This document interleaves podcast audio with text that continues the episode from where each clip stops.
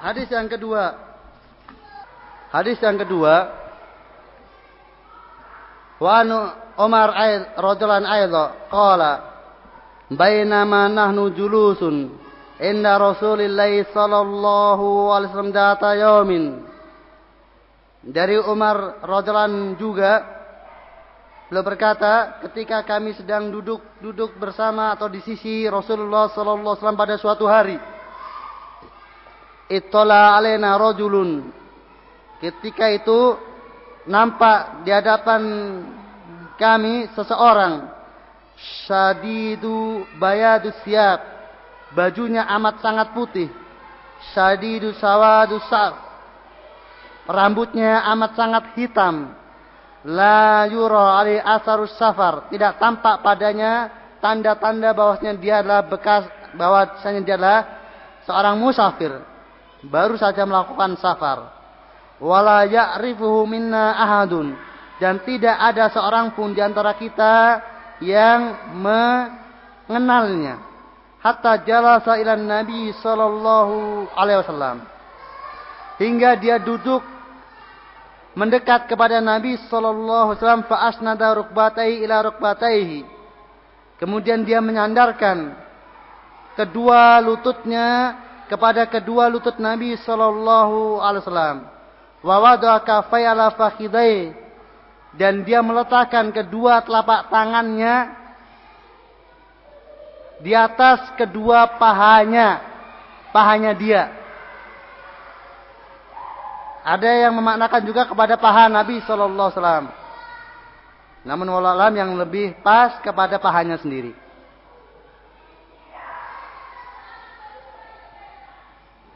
Faqala ya Muhammad. Kemudian dia berkata, wahai Muhammad, akhbirnya anil Islam. Sampaikan kepadaku tentang Islam. Apa Islam itu? Qal, al-Islamu antasyada an la ilaha illallah wa anna Muhammadan Rasulullah wa tuqimas shalah wa tu'tiyaz zakah wa tasuma Ramadan wa tahujjal baita in istata'ta ilaihi sabila. Islam adalah kamu bersyahadat Allah ilaha illallah dan bahwasanya Muhammad adalah Rasulullah kamu menegakkan salat, menunaikan zakat dan berpuasa di bulan Ramadan dan haji jika kalian kamu mampu menempuh perjalanan kepadanya. Qala sodak orang tadi berkata kamu benar jawaban benar. Fa'ajibna lahu yas'alu wa yusaddiquhu. Maka Umar mengatakan kami terheran dia yang bertanya dia pula yang menyatakan benarnya. Fakal. Kemudian orang tadi mengatakan lagi. Fakhbirni anil iman. Sampaikan kepadaku tentang iman. Apakah iman itu? Qal. Antuk minabillahi wa malaikati wa kutubi wa rusuli wal yawmil akhir. Wa tu'mina bil qadari khairi wa syarri. Imanlah kamu beriman kepada Allah, kepada para malaikatnya, kepada kitab-kitabnya, kepada para rasulnya, kepada hari akhir dan kamu beriman kepada takdir baik dan buruknya. Qal sodak. Kemudian dia Orang tadi mengatakan kamu benar. Kemudian orang tadi bertanya lagi, "Qal fahbirni anil ihsan." Sampaikan kepadaku tentang ihsan. Apa itu ihsan? Qal anta budallah ka'annaka tarahu fa ilam takun tarahu fa innahu. Nabi menjawab, kamu beribadah kepada Allah seakan-akan kamu melihatnya, maka jika kamu tidak mampu untuk melihatnya, maka kamu yakin bahwasanya Allah melihatmu. Qal fahbirni anissa. Dia bertanya lagi, ceritakan kepadaku tentang hari kiamat, kapan terjadinya? Qal mal mas'ulu anha bi'alama minas sa'ir. Maka Rasulullah menjawab, tidaklah yang ditanya tentang kapan terjadi hari kiamat lebih tahu dibandingkan yang bertanya. Sama-sama tidak tahu tentang terjadinya hari kiamat tersebut. Qal fahbirni an amaratiha. Kalau demikian, dia kemudian bertanya, Sampaikan kepadaku tentang tanda-tandanya. Rasulullah menjawab, Qal antalidal ammatu rabbataha. Yaitu tatkala seorang budak wanita telah melahirkan tuan perempuannya.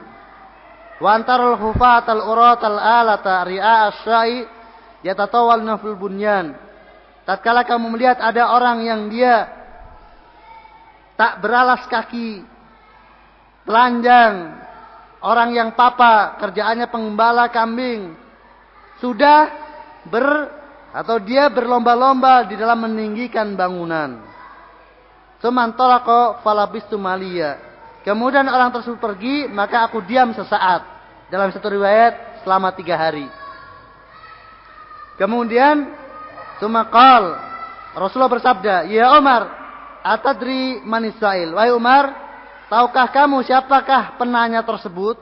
Itu yang bertanya beberapa hari yang lalu. Qultu Allah wa Rasul alam. Maka aku menjawab, Allah dan Rasulnya yang lebih tahu. Qal hada Jibril atakum yu'allimukum dinakum. Raw Muslim. Belum jawab, itu adalah Jibril datang kepada kalian dalam rangka mengajarkan kepada kalian agama kalian. Hadis riwayat Imam Muslim. Kedudukan hadis ini sangat agung. Oleh karena itu dikatakan oleh sebagian ulama sebagai ummu sunnah. Artinya induk sunnah, indung sunnah. Tatkala seluruh ajaran Nabi Sallallahu Alaihi Wasallam itu sudah terangkum dalam hadis ini. Tentang arkanul iman, arkanul Islam, dan tentang ihsan. Yang ketiganya merupakan marotibul Islam. Di Islam itu ada tiga martabat. Islam, iman, dan iman. Maka di sini dalam hadis ini tercangkum agama seluruhnya. Sudah terangkum agama seluruhnya. Ini rukun-rukunnya sudah ada semuanya. Rukun iman dan rukun Islam. Pembicaraan masalah batin dan pembicaraan masalah zahir. Wa yakum. Kalau kita lihat dalam hadis ini maka Rasulullah Sallallahu Alaihi Wasallam menjelaskan tentang iman terkait dengan perkara batin, menjelaskan tentang Islam terkait dengan permasalahan zahir, adapun ihsan terkait dengan dua-duanya, yaitu batin dan zahir. Maka untuk diketahui bahwasanya kata iman dan Islam itu pembicaranya seperti kata fakir dan miskin bir dan takwa. Artinya, kalau disebutkan bersamaan, maka masing-masing memiliki pengertian sendiri-sendiri. Tapi kalau disebutkan satu saja, maka sudah mencakup yang lainnya. Dengan istilah para ulama, idastama iftaroko, wa idaftaroko istama'a. Kalau berkumpul maka berbeda, terpisah.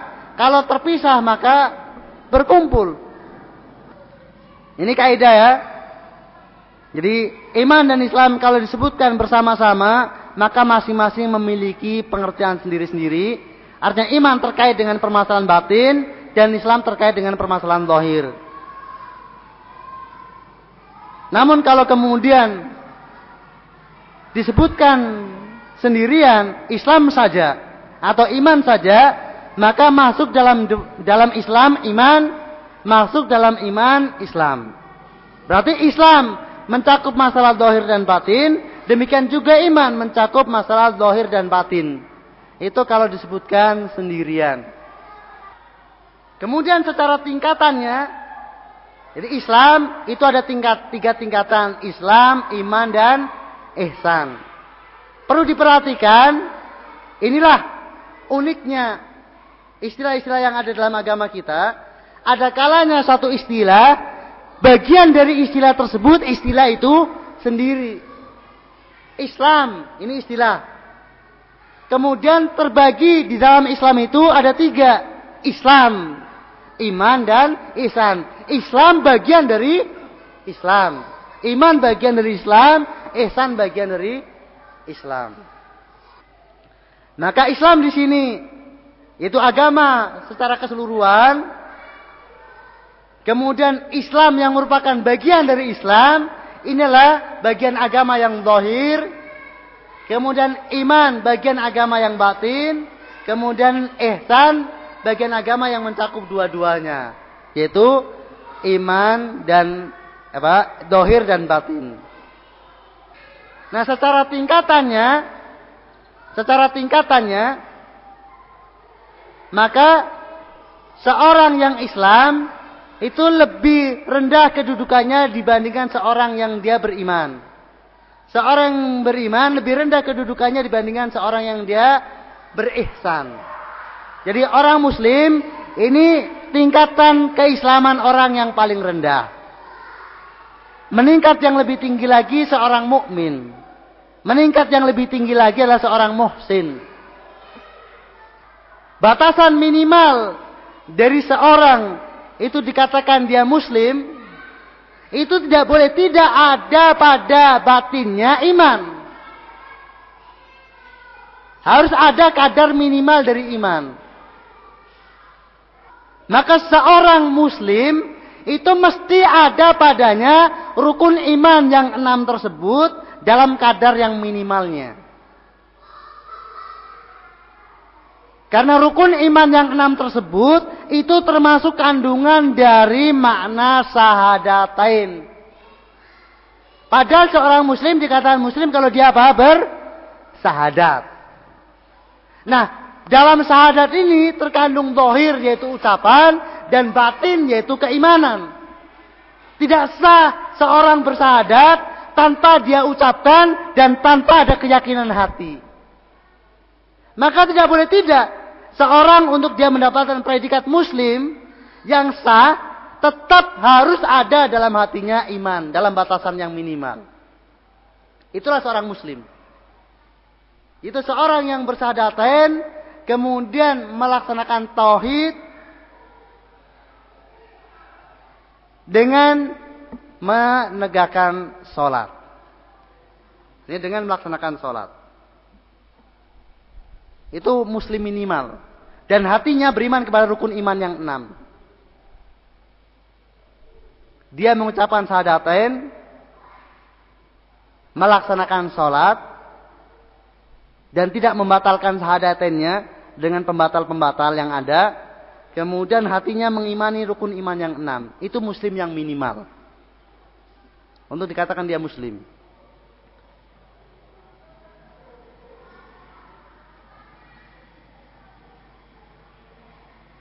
Adapun mukmin tentunya derajat yang lebih tinggi. Jadi dalam hatinya ada batasan lebih dari batasan minimal. Ada kadar yang lebih dari batasan yang minimal tadi.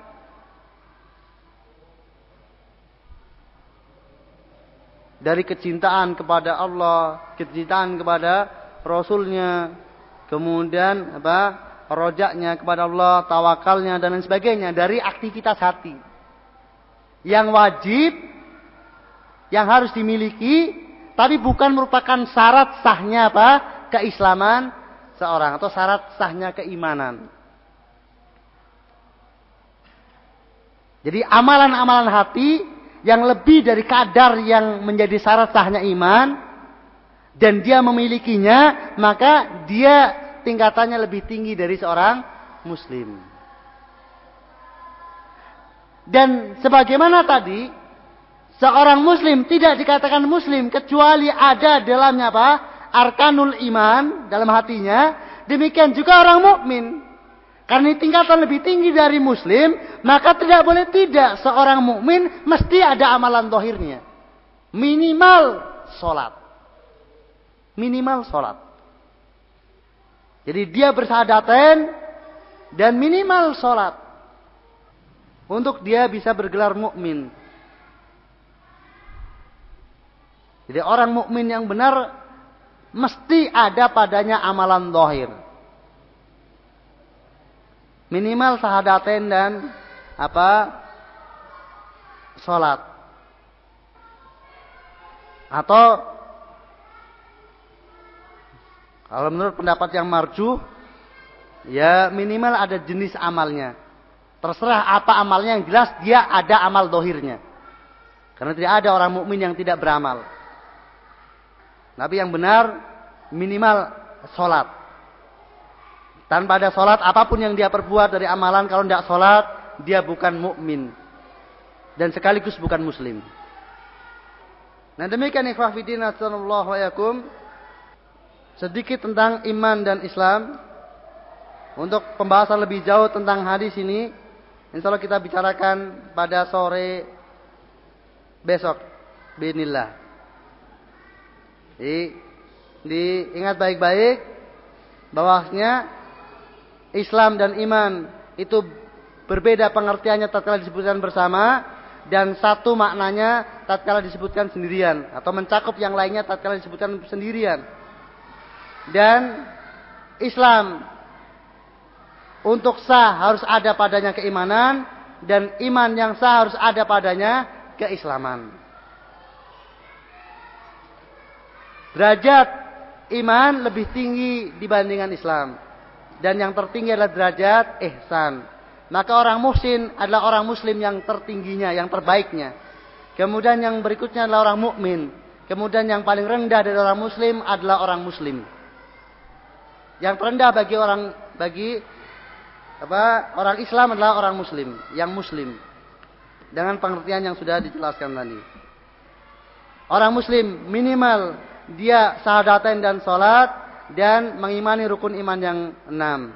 Orang mukmin dia di samping mengimani rukun yang enam, maka ada yang sah, yang dalam kadar yang minimal, ada di dalam hatinya berbagai macam aktivitas yang merupakan kewajiban-kewajiban iman yang dia kerjakan. Melebihi dari batas yang minimal dari kadar seorang muslim. Maka dialah mukmin. Adapun muhsin yang lebih baik dari itu, yang lebih kadarnya dari seorang mukmin, yaitu dia sampai derajat membaguskan amalnya karena senantiasa merasa dilihat oleh Allah Taala atau bahkan lebih dari itu yaitu senantiasa merasa menyaksikan Allah Taala itu menyaksikan asma dan sifat-sifatnya dalam setiap amalnya. Pembahasan lebih jauh insya Allah akan kita lanjutkan besok sore biidnillah. Sampai di sini kita cukupkan. Subhanakallahumma wa bihamdika Asyhadu ilaha anta astaghfiruka wa atubu ilaik. Wassalamualaikum warahmatullahi wabarakatuh. Innalhamdulillah nahmaduhu wa nasta'inuhu wa nastaghfiruh. Wa na'udzu billahi min shururi anfusina wa sayyiati a'malina. May yahdihillahu fala mudilla wa may fala. Asyhadu an la ilaha illallah wahdahu la وأشهد أن محمدا عبده ورسوله أعوذ بالله من الشيطان الرجيم يا أيها الذين آمنوا اتقوا الله حق تقاته ولا تموتن إلا وأنتم مسلمون Amma ba'd. Ikhwafiddin rahimani wa rahimakumullah.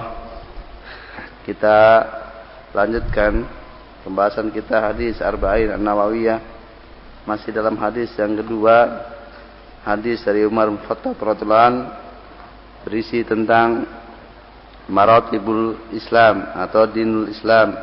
Yaitu al-Islam, al-iman dan al-ihsan. Dan sudah saya jelaskan bahwasanya Islam itu terdiri dari tiga hal. Yaitu Islam, iman dan ihsan. Kemudian marotib dari hal itu sesuai dengan tingkatan dari yang terendah adalah Islam, iman, kemudian ihsan. Maka orang muslim adalah ini dari orang Islam yang paling rendah tingkatannya kemudian yang lebih tinggi adalah mukmin dan yang lebih tinggi adalah muhsin maka ditinjau dari zatnya Islam adalah yang paling luas karena Islam mencakup semuanya. Adapun ditinjau dari penganutnya maka ihsan lah yang paling khusus. Karena apa? Sedikitnya dari kalangan kaum muslimin yang tergolong dari kalangan muhsinin. Ikhwafidin sallallahu wa Dalam hadis ini disebutkan tentang arkanul iman dan arkanul Islam serta arkanul ihsan. Untuk diketahui bahwa ulama menyebutkan istilah-istilah tersebut dengan istilah rukun.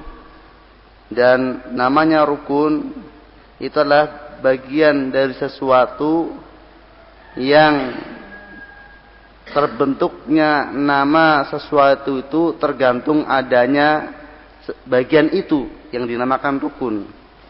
Maka kalau kemudian rukun itu tidak ada, maka sesuatu tersebut pun tidak jadi namanya. Di ma yalzam min adamihi al adam. Wa huwa dakhilatun fi mahiyatihi. Jadi wala yalzam min wujudi al wujud wala al adam. Untuk kalau bahasa usul rukun adalah sesuatu yang mengharuskan tidak adanya tidak adanya sesuatu dan sesuatu tersebut dan ia merupakan bagian dari sesuatu tersebut dan tidak mengharuskan adanya adanya atau tidak adanya. Itu bahasa ahli usul tentang rukun. Namun untuk diketahui bahwa istilah ulama tentang rukun dari apa yang disebutkan oleh Rasulullah sallallahu alaihi wasallam atau oleh Allah berkaitan tentang rukun hal-hal yang enam yang menjadi kewajiban dalam iman dan yang lima yang menjadi kewajiban dalam Islam. Maka itu istihad. Istilah rukun adalah istilah istihad bukan istilah sar artinya nas dari syar'i oleh karena itu walaupun secara istilah bahasnya rukun demikian tadi pengertiannya namun tidak secara otomatis istilah yang merupakan istihad dari ulama itu menjadi hakim terhadap apa yang datang dari syariat. Tetapi istihad ulama dihukumi dengan syariat, kemudian syariat dipahami dengan menggunakan istilah yang disampaikan oleh para ulama. Jadi nas-nas syariat itu dipahami dimudahkan pemahamannya dengan istilah-istilah yang dibuat oleh para ulama. Namun istilah-istilah yang dibuat oleh para ulama itu tetap dihukumi dengan syariat. Jadi keduanya itu apa? penting tetapi yang hakimnya tetap dalil-dalil syariat. Oleh karena itu istilah rukun tersebut dengan pengertian bahwasanya dia merupakan bagian sesuatu dan sesuatu itu tidak akan bernama, tidak akan terwujud kecuali adanya sesuatu tersebut untuk di sini pas untuk masalah iman. Artinya rukun iman yang enam tersebut masing-masingnya dinamakan rukun dan apabila salah satu dari enam tersebut tidak ada maka tidak ada iman. Itu betul. Dan memang demikian. Jadi kapan ada dalam diri seseorang, dalam keiman seorang luput dari salah satu dari rukun iman yang enam tersebut, maka dia bukan orang mukmin. Namun berbeda tatkala diterapkan dalam arkanul Islam. Untuk arkanul Islam, maka tidak istilah tersebut tidak tepat seutuhnya. Terbukti bahwasannya ulama tidak sepakat bahwa apabila seseorang tidak ada padanya salah satu rukun yang lima, maka secara otomatis dia bukan orang muslim. Jadi kalau seorang dia tidak ada padanya salah satu dari rukun Islam yang lima, tidak disepakati bahwasanya dialah bukan orang muslim. Ulama sepakat bahwasanya untuk sahadatain maka kalau tidak ada rukun ini tidak ada maka dia bukan orang muslim. Untuk sholat maka yang lebih kuat demikian juga. Bahkan dikatakan ini ada yang menyatakan sebagai ijma sahabat yang tidak ada padanya sholat setelah sadaten, maka dia bukan orang muslim. Adapun rukun yang lainnya, maka ada persian pendapat dan yang lebih kuat, maka apabila pribadi seorang tidak ada padanya rukun Islam yang lainnya, tapi sahadatain, sahadatain dan sholat ada padanya, maka dia muslim, walaupun tidak ada rukun yang lainnya.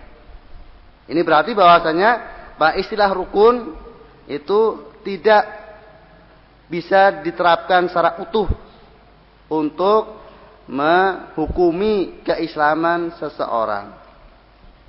Nah, karena rincian dari rukun iman yang enam tersebut itu banyak. Di sana ada yang merupakan apa? Syarat wajib dan merupakan syarat sahnya dan ada yang merupakan syarat wajib syarat wajib yang merupakan kesempurnaan. Artinya orang dikatakan dia tidak beriman dengan sempurna kalau tidak ada padanya keimanan bagian dari iman kepada Allah atau kepada yang lainnya dalam hal-hal tertentu. Maka yang terpenting di sini untuk disampaikan batasan minimal untuk seseorang itu sah rukun imannya. Yang pertama tentang iman kepada Allah, maka seseorang baru dikatakan sah iman kepada Allah apabila dia beriman kepada rububiyahnya, uluhiyahnya dan asma dan sifatnya. Hilangnya salah satu dari rukun iman kepada Allah tersebut, maka hilanglah keimanan kepada Allah Subhanahu wa taala. Dan hilangnya keimanan kepada Allah berarti hilang seluruh iman. Rububiyah Allah adalah keyakinan bahwasanya Allah pencipta, pengatur dan pemberi rizki, menghidupkan dan mematikan dan di tangannya manfaat dan madarat dari alam semesta ini seluruhnya. Kemudian uluhiyah Allah adalah hak penyembahan semata hanya milik Allah SWT dan sesembahan yang lainnya adalah batil, tidak berhak untuk disembah. Kemudian asma dan sifatnya adalah keyakinan bahwasanya Allah memiliki asma yang husna dan sifat-sifat kesempurnaan. Sesuai dengan keagungan dan kebesaran Allah tidak serupa dengan makhluknya. Yang pembahasannya telah kita bicarakan dalam pembahasan lumatul i'tiqad. Yang kedua iman kepada malaikat batasan yang minimal itu dia beriman bahwasanya Allah menciptakan makhluk bernama malaikat sebagai hamba yang senantiasa taat dan di antara mereka ada yang diperintah untuk mengantar wahyu. Sebelumnya saya ingatkan ikhwan widin azanullah yakum. Ini adalah keimanan secara global. Dan tatkala datang kepadanya dalil secara rinci, dalil secara tafsil tentang apa? Allah SWT tentang asma atau sifatnya tentang eh, bagian-bagian dari rububiyah Allah Taala atau bagian dari uluhiyah Allah Taala dan dia ingkari, maka ya batal imannya. Demikian juga iman kepada malaikat. Selama belum datangnya rincian dalil, dia harus beriman bahwasanya Allah menciptakan makhluk yang namanya malaikat yang di antara mereka ada yang diperintahkan untuk mengantarkan wahyu. Jadi di antara malaikat ada yang menjadi utusan Allah Subhanahu wa taala mengantarkan wahyu kepada Rasul. Itu minimal. Namun tatkala kemudian datang kepadanya tentang malaikat dengan nama tertentu, dengan sifat-sifat tertentu, kemudian dia mengingkarinya, maka batal keimanannya kepada malaikat dan batal seluruh keimanannya. Kemudian yang ketiga, iman kepada kitab-kitab. Iman kepada kitab-kitab sah jika beriman bahwa Allah telah menurunkan kitab yang merupakan kalamnya, merupakan firmannya kepada sebagian hambanya yang berkedudukan sebagai rasul. Dan di antara kitab tersebut adalah Al-Quran. Karena kita hidup di masa telah diturunkannya Al-Quran. Bahasa Allah berfirman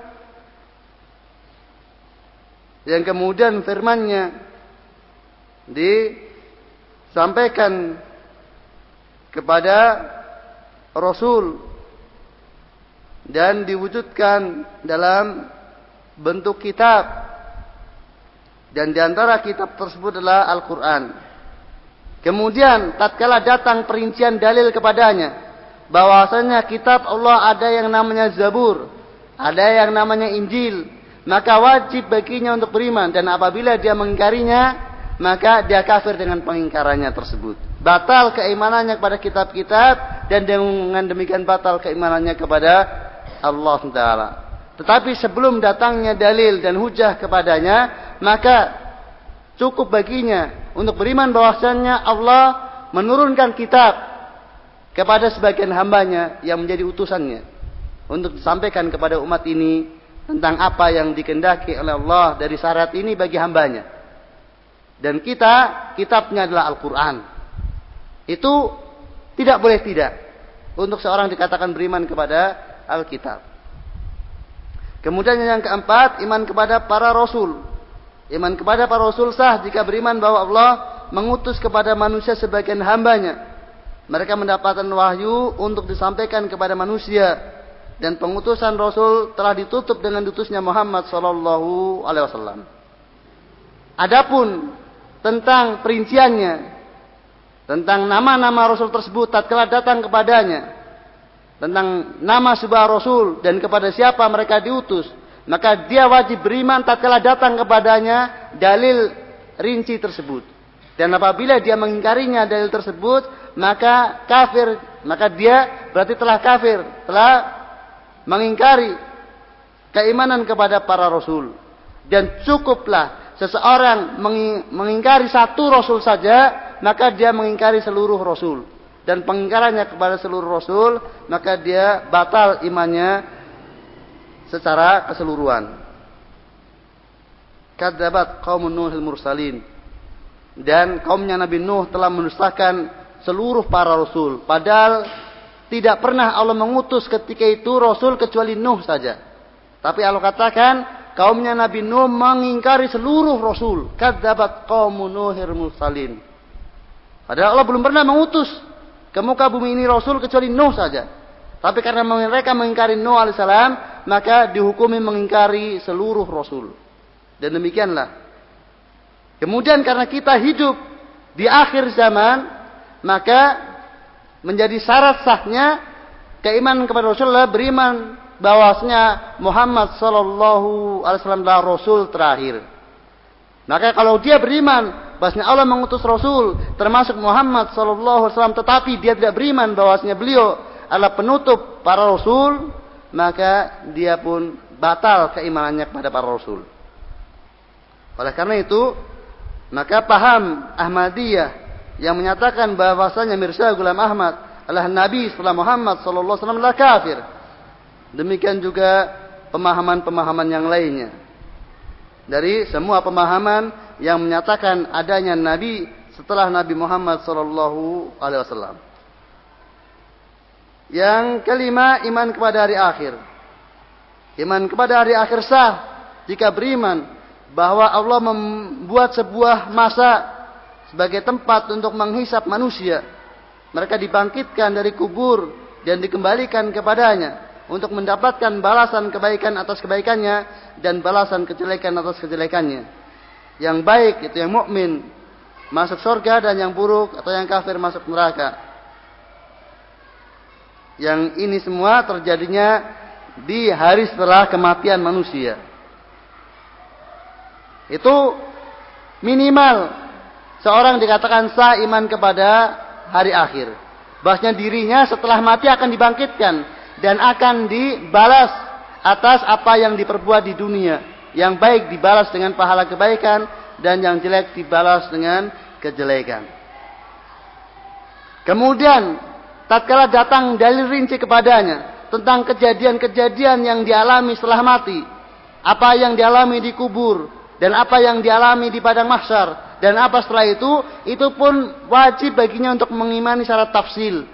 Kalau kemudian datang kepadanya dalil dan dia mengingkarinya, maka batal keimanannya kepada hari akhir. Walaupun dia telah beriman kepada hari akhir secara global sebelumnya. Namun tatkala dia mengingkari dalil yang rinci, maka dia pun kafir karenanya. Kemudian yang keenam iman kepada takdir. Iman kepada takdir sah. Jika beriman bahwa Allah telah mengilmui segala sesuatu sebelum terjadinya. Kemudian dia menentukan dengan kehendaknya semua yang akan terjadi setelah itu. Semua yang akan terjadi setelah itu Allah menciptakan segala sesuatu yang telah ditentukan sebelumnya. Ini minimal. Orang itu harus beriman bahwasanya Allah mengilmui segala sesuatu sebelum terjadinya. Kemudian Allah menentukan yang diilmi tersebut. Bahwasanya segala yang terjadi itu akan terjadi kapan sudah ditentukan oleh Allah SWT. Kemudian baru setelah itu Allah menciptakan apa yang sudah ditentukan tersebut. Yang tidak demikian, maka dia tidak sah keimanannya kepada takdir. Oleh karena itu, paham Qadariyah yang menafikan ilmu Allah sebelum terjadinya, maka hukumnya kafir. Nah demikianlah syarat keimanan yang sah, sehingga dengan itu seorang berhak untuk dikatakan sebagai seorang mukmin. Adapun selebihnya dari itu, maka tingkat keimanan seorang berbeda-beda. Sesuai dengan pertambahan yang dimiliki dari keimanannya. Jadi kalau kemudian datang kepadanya dalil yang rinci dari masing-masing rukun iman yang ters yang enam tersebut, kemudian dia imani, datang lagi dia imani, datang lagi dia imani, maka keimanan yang dimiliki berikutnya berbeda dengan sebelumnya. Demikianlah madzhab Ahlussunnah wal Jamaah, bahwasanya iman itu bertambah dan berkurang. Bertambah sesuai dengan apa yang didapatkan oleh hatinya dari ilmu dan keimanan dan apa yang diperbuat oleh lesan dan jawarihnya dari perkataan dan perbuatan yang merupakan keridoan dan kecintaan Allah Taala dan berkurang dari apa yang dilakukan oleh hatinya, lesannya dan juga anggota badannya dari kedurhakaan kepada Allah Subhanahu wa taala. Ikhwafidin sallallahu yakum. Sesungguhnya istilah bertambahnya iman dan berkurangnya iman demikian juga bertambah dan berkurangnya Islam.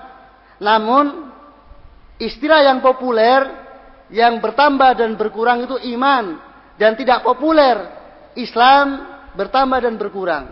Apa sebabnya? Ketahuilah bahwasanya lebih populer istilah bertambah dan berkurangnya iman karena dalam hal inilah ahlu sunnah diselisih oleh yang lainnya. Ahlul bid'ah menyelisih ahlu sunnah dalam istilah bertambah dan berkurangnya iman dan tidak dalam istilah bertambah dan berkurangnya Islam. Yaitu tatkala murjiah menyelisih ahlu sunnah. Murjiah menyatakan bahwasanya iman tidak bertambah dan tidak berkurang. Tetap utuh. Demikian juga Khawarij. Tidak bertambah dan tidak berkurang. Ima utuh, ima hilang sama sekali. Berbeda dengan Islam. Maka mereka mengakui bahwasanya Islamnya seseorang kadang bertambah dan kadang berkurang. Maka tatkala kemudian permasalahan yang membedakan ahlu sunnah dengan yang lainnya dalam istilah bertambahnya iman dan berkurangnya iman maka inilah yang lebih populer. Bahwasanya yang bertambah dan berkurang adalah iman dan tidak dikatakan bertambah dan berkurangnya Islam. Padahal hakikatnya keduanya bisa bertambah dan berkurang. Dan saya ingatkan bahwasanya iman dan Islam tatkala disebutkan sendiri-sendiri mencakup apa keduanya. Oleh karena itu, dikatakan dia bertambah keimanannya dengan melaksanakan ketaatan, dohir termasuk dalamnya, padahal dohir adalah merupakan apa? Keis, keislaman. Dan dia berkurang keimanannya karena berbuat maksiat, dohir. Padahal perbuatan maksiat, dohir adalah perbuatan dohir, yang itu merupakan keislaman. Ya karena di sini iman berdiri sendiri maka termasuk dalamnya adalah al-Islam. Kemudian dikatakan dalam hadis tersebut antuk mina bil qadari khairi wa sarri. Kamu beriman kepada takdir Allah baik dan buruknya. Baik dan buruknya takdir ini ditinjau dari makhluknya. Ditinjau dari yang ditakdirkan tersebut. Bukan ditinjau dari pembuatan takdir. Jadi istilah takdir itu dipakai untuk perbuatan Allah menakdirkan dan dipakai untuk sesuatu yang hasil dari perbuatan Allah. Yaitu makhluk. Maka sakit misalnya ditinjau dari sakitnya, maka ini adalah takdir buruk. Inilah keburukan, kejelekan. Namun ditinjau dari Allah menakdirkan sakit, maka Allah berbuat baik. Maka terkait dengan perbuatan Allah tidak terbagi menjadi dua. Buruk dan baik. Perbuatan Allah seluruhnya baik. Wasarru laisa ilai kata Rasulullah sallallahu alaihi dan kejelekan tidak dinisbahkan kepadamu. Maka antuk minabil antuk minabil qadari khairi wasarri ini ditinjau dari makdur atau maf'ulnya, bukan dari fiilnya. Kalau fiilnya af'alullah kulluha khair. Perbuatan Allah seluruhnya baik. Tapi hasil dari yang dibuat oleh Allah Ta'ala, maka terbagi dua. Ada yang buruk dan ada yang baik. Kekafiran, takdir kekafiran, jelek, buruk. Tetapi ditinjau dari Allah menciptakan kekafiran, maka dia baik.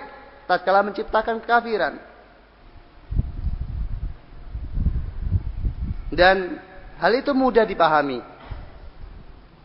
Dibedakan antara apa hasil dari perbuatan dari dengan perbuatannya. Seorang terputus kakinya, terpotong kakinya adalah jelek. Iya atau bukan? Iya. Artinya dipotong salah satu kakinya jelek. Tetapi seseorang mengamputasi, memotong kaki karena apa adanya kanker yang menjalar maka memotong kaki tersebut ketika itu adalah perbuatan baik. Karena apa? Hasil dari perbuatan tersebut mendatangkan mas maslahah. Wujud terpotongnya kaki jelek. Tapi perbuatan memotong kaki bagus. Itu memungkinkan terjadi pada manusia yang makhluk. Maka min babil aula perbuatan seperti itu memungkinkan terjadi pada Allah SWT. Allah menciptakan sesuatu yang jelek, tapi itu baik baginya. Baik di dalam perbuatan tersebut. Karena ada masalah yang lebih yang lebih besar di balik penciptaan yang jelek tersebut. Sebagaimana ada masalah yang lebih besar, justru kemudian orang salah dan tidak berbuat baik tatkala membiarkan kaki tidak terpotong yang berdampak seluruh jasadnya rusak dan akhirnya mati. Justru kesalahan, justru tidak berbuat baik tatkala membiarkan apa kaki tidak terpotong. Karena berdampak bahaya yang lebih besar. Walillahil masalul a'la. Kemudian tentang ihsan, sebuah amal dikatakan hasan Cukup jika diniat ikhlas karena Allah. Jadi kalau seorang beramal, tentunya amal yang mutaba, yang sesuai dengan tuntunan Rasul dan ikhlas dalam pengamalannya, maka itu sudah beramal yang ihsan. Namun ihsan yang disebutkan oleh Nabi Wasallam adalah ihsan martabat yang paling sempurna, yaitu antak budallaha ka'annaka tarahu fa ilam takun tarahu fa innahu yara. Di mana dalam marotibul ihsan tersebut rukunnya satu, ihsan rukunnya satu yaitu antak budallaha ka'annaka tarahu fa ilam takun tarahu fa innahu yara. Yang martabatnya ada dua yaitu marotib martabat muraqabah dan martabat musyahadah martabat muraqabah ini lebih rendah dibandingkan martabat musyahadah. martabat muraqabah yaitu seseorang tatkala beramal dia yakin dan merasa bahwasanya dilihat dan disaksikan, diperhatikan Allah, kemudian dia membaguskan amalnya. Jadi seorang di dalam amalnya jelas batasan minimal ihsan tadi apa? Harus ikhlas. Tidak akan mencapai ihsan kecuali ikhlas. Di samping ikhlas, tatkala dia melakukan amal tersebut, yang ikhlas tersebut, terus menerus merasa diawasi oleh Allah. Karena merasa Allah mengawasinya, maka dia membaguskan dengan sebagus-bagusnya amalan tersebut. Karena dia merasa sedang diawasi oleh Allah Ta'ala. Maka antum bisa lihat dan bisa bayangkan. Amal seseorang yang ikhlas. Dan dalam pengamalannya dia merasa sedang diawasi oleh Allah Ta'ala. Maka kemudian dia ingin menampilkan yang sebagus-bagusnya. Maka jelas wujud amalannya mesti yang terbagus. Dan ada derajat yang lebih bagus dari itu. Yaitu derajat musyahadah. Martabat musyahadah. Yaitu senantiasa melihat dan menyaksikan sifat-sifat Allah Ta'ala dalam setiap aktivitasnya. Jadi dia beraktivitas itu seperti dia betul-betul melihat Allah SWT. Ini betul-betul asma dan sifat Allah itu ada di hadapannya. Sehingga pengamalannya itu konsekuensi dari pemahaman dia dan pengenalan dia kepada asma dan sifat Allah Taala. Oleh karena itu, orang yang paling bertakwa, yang paling bagus ibadahnya, adalah orang yang paling kenal tentang Allah SWT. Oleh karena itu, mengapa ahlu sunnah wal jamaah begitu kuatnya dan gencarnya dan menekankan sekali untuk jangan sampai salah pemahaman asma wa sifat.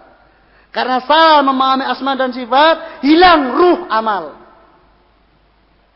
Karena ruhnya amal itu pada pengenalan dia tentang Robnya.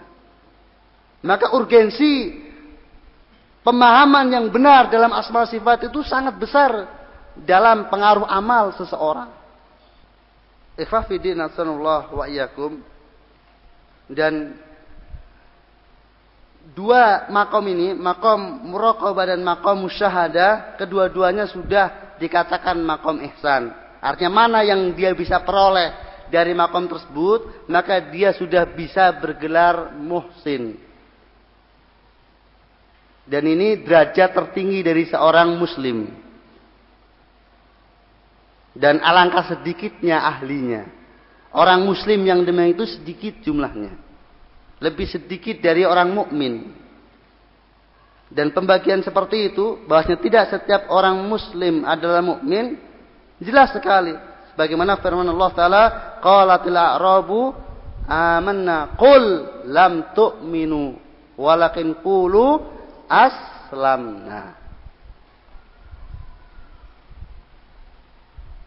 Datang orang-orang Arab, orang Badui yang jauh dari ilmu syar'i mengatakan aslamna am, amanah kami telah beriman. Maka apa kata Allah? Kul lantuk minu katakan kalian belum beriman. Bahkan kulu aslamna. Walam yudkhilul iman fi qulubihim. Karena iman belum masuk dalam jiwa-jiwa hati-hati mereka. Namun katakanlah aslamna, kami telah Islam. Menunjukkan bahwasanya iman martabat yang lebih dari Islam dan tidak semua muslim itu mukmin. Demikian juga dalam hadis Nabi wasallam tatkala seseorang sahabat berkata kepada Nabi tentang seorang bahwasanya dia mukmin. Al muslimun untuk mengingkari ataukah muslim? Ya Rasulullah tidak setuju dengan penggelaran sahabatnya kepada seseorang dengan gelar mukmin. Maka dikoreksi, atau dia muslim?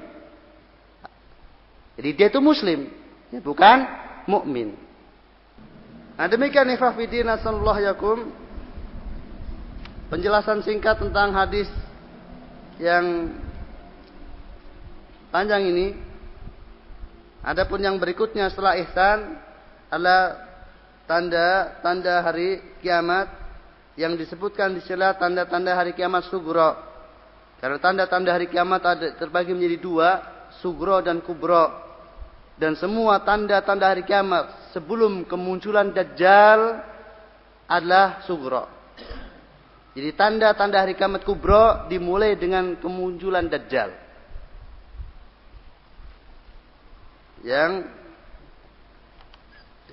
sekaligus empat serangkai ketika itu. Yang insya Allah pembahasannya akan kita dapatkan dalam Lumatul I'tiqad. Itu Imam Mahdi, kemudian Dajjal, kemudian Isa alaihissalam dan Ya'juj wa Ma'juj. Ini empat serangkai yang keimanan kepada salah satunya melazimkan keimanan kepada yang lainnya. Kemunculan satunya mengharuskan muncul yang lainnya. Imam Mahdi, Dajjal, kemudian Isa alaihissalam, turunnya Isa alaihissalam, dan Ya'juj wa Ma'juj. Baru kemudian peristiwa-peristiwa tanda-tanda hari kiamat kubro yang lainnya. Jadi dimulainya dari empat serangkai tersebut. Kemudian yang untuk diperhatikan juga bahwa kalau Rasulullah Sallallahu Alaihi Wasallam menyebutkan tentang tanda-tanda hari kiamat, maka dari berita tersebut tidak secara otomatis menunjukkan celaan sesuatu tersebut atau pujian kepada sesuatu tersebut. Hukum tercela dan terpujinya sesuatu yang disebutkan sebagai tanda-tanda hari kiamat itu kembali kepada hukum syar'i yang lainnya. Jadi bukan semata-mata karena disebutkan sebagai tanda-tanda hari kiamat, maka berarti itu jelek, tidak secara otomatis. Seperti kasus di sini. Banyaknya lahir budak-budak, apa anak-anak budak. Dikatakan sebagai apa, seorang budak. Wanita melahirkan tuan perempuannya. Ya karena secara hukum anak budak itu dia merdeka, maka kedudukannya sebagai tuan. Padahal apa? Majikannya atau tuannya adalah tuan bagi budak tersebut. Kemudian melahirkan anak, maka anaknya ini juga tuan. Jadi seperti tuannya. Jadi kedudukannya ya seperti tuannya karena ini sama-sama merdeka dengan dengan tuannya. Walaupun itu anaknya sendiri. Tapi dia budak sementara dia anaknya ini tuan karena dia merdeka. Jadi anak yang terlahir dengan budak itu hukumnya bukan sebagai budak tapi merdeka. Sudah maklum bahwasanya apa budak adalah termasuk apa yang halal bagi seorang yang memilikinya walaupun bukan istrinya berapapun jumlahnya maka kalau istri maksimal empat, tapi kalau budak boleh berapa? Punya seratus budak, kemudian perempuan semuanya di halal semuanya. Tapi kalau istri maksimal empat dan tidak boleh lebih dari empat. Demikian juga tentang meninggikan bangunan. Kalau meninggikan bangunan, maka ada nas-nas yang lain yang menunjukkan tercelanya. Tatkala meninggikan bangunan dalam sesuatu yang tidak ada hajah baginya atau bukan sesuatu yang dia memang pantas untuk memilikinya. Kecuali kalau meninggalkan bangunan memang karena ada kebutuhan, ada hajat. Namun meninggikan bangunan tanpa hajat untuk bermegah semata, maka itu tercela. Oleh karena itu, rumah para sahabat Nabi Shallallahu Alaihi Wasallam maka pada umumnya adalah pendek-pendek sekedar cukup untuk bernaung dan tidak kemudian tinggi-tinggi. Jadi kalau meninggikan bangunan ada nas yang lain yang menunjukkan terselanya tanpa hajah. Kalau meninggikan bangunan tanpa hajah.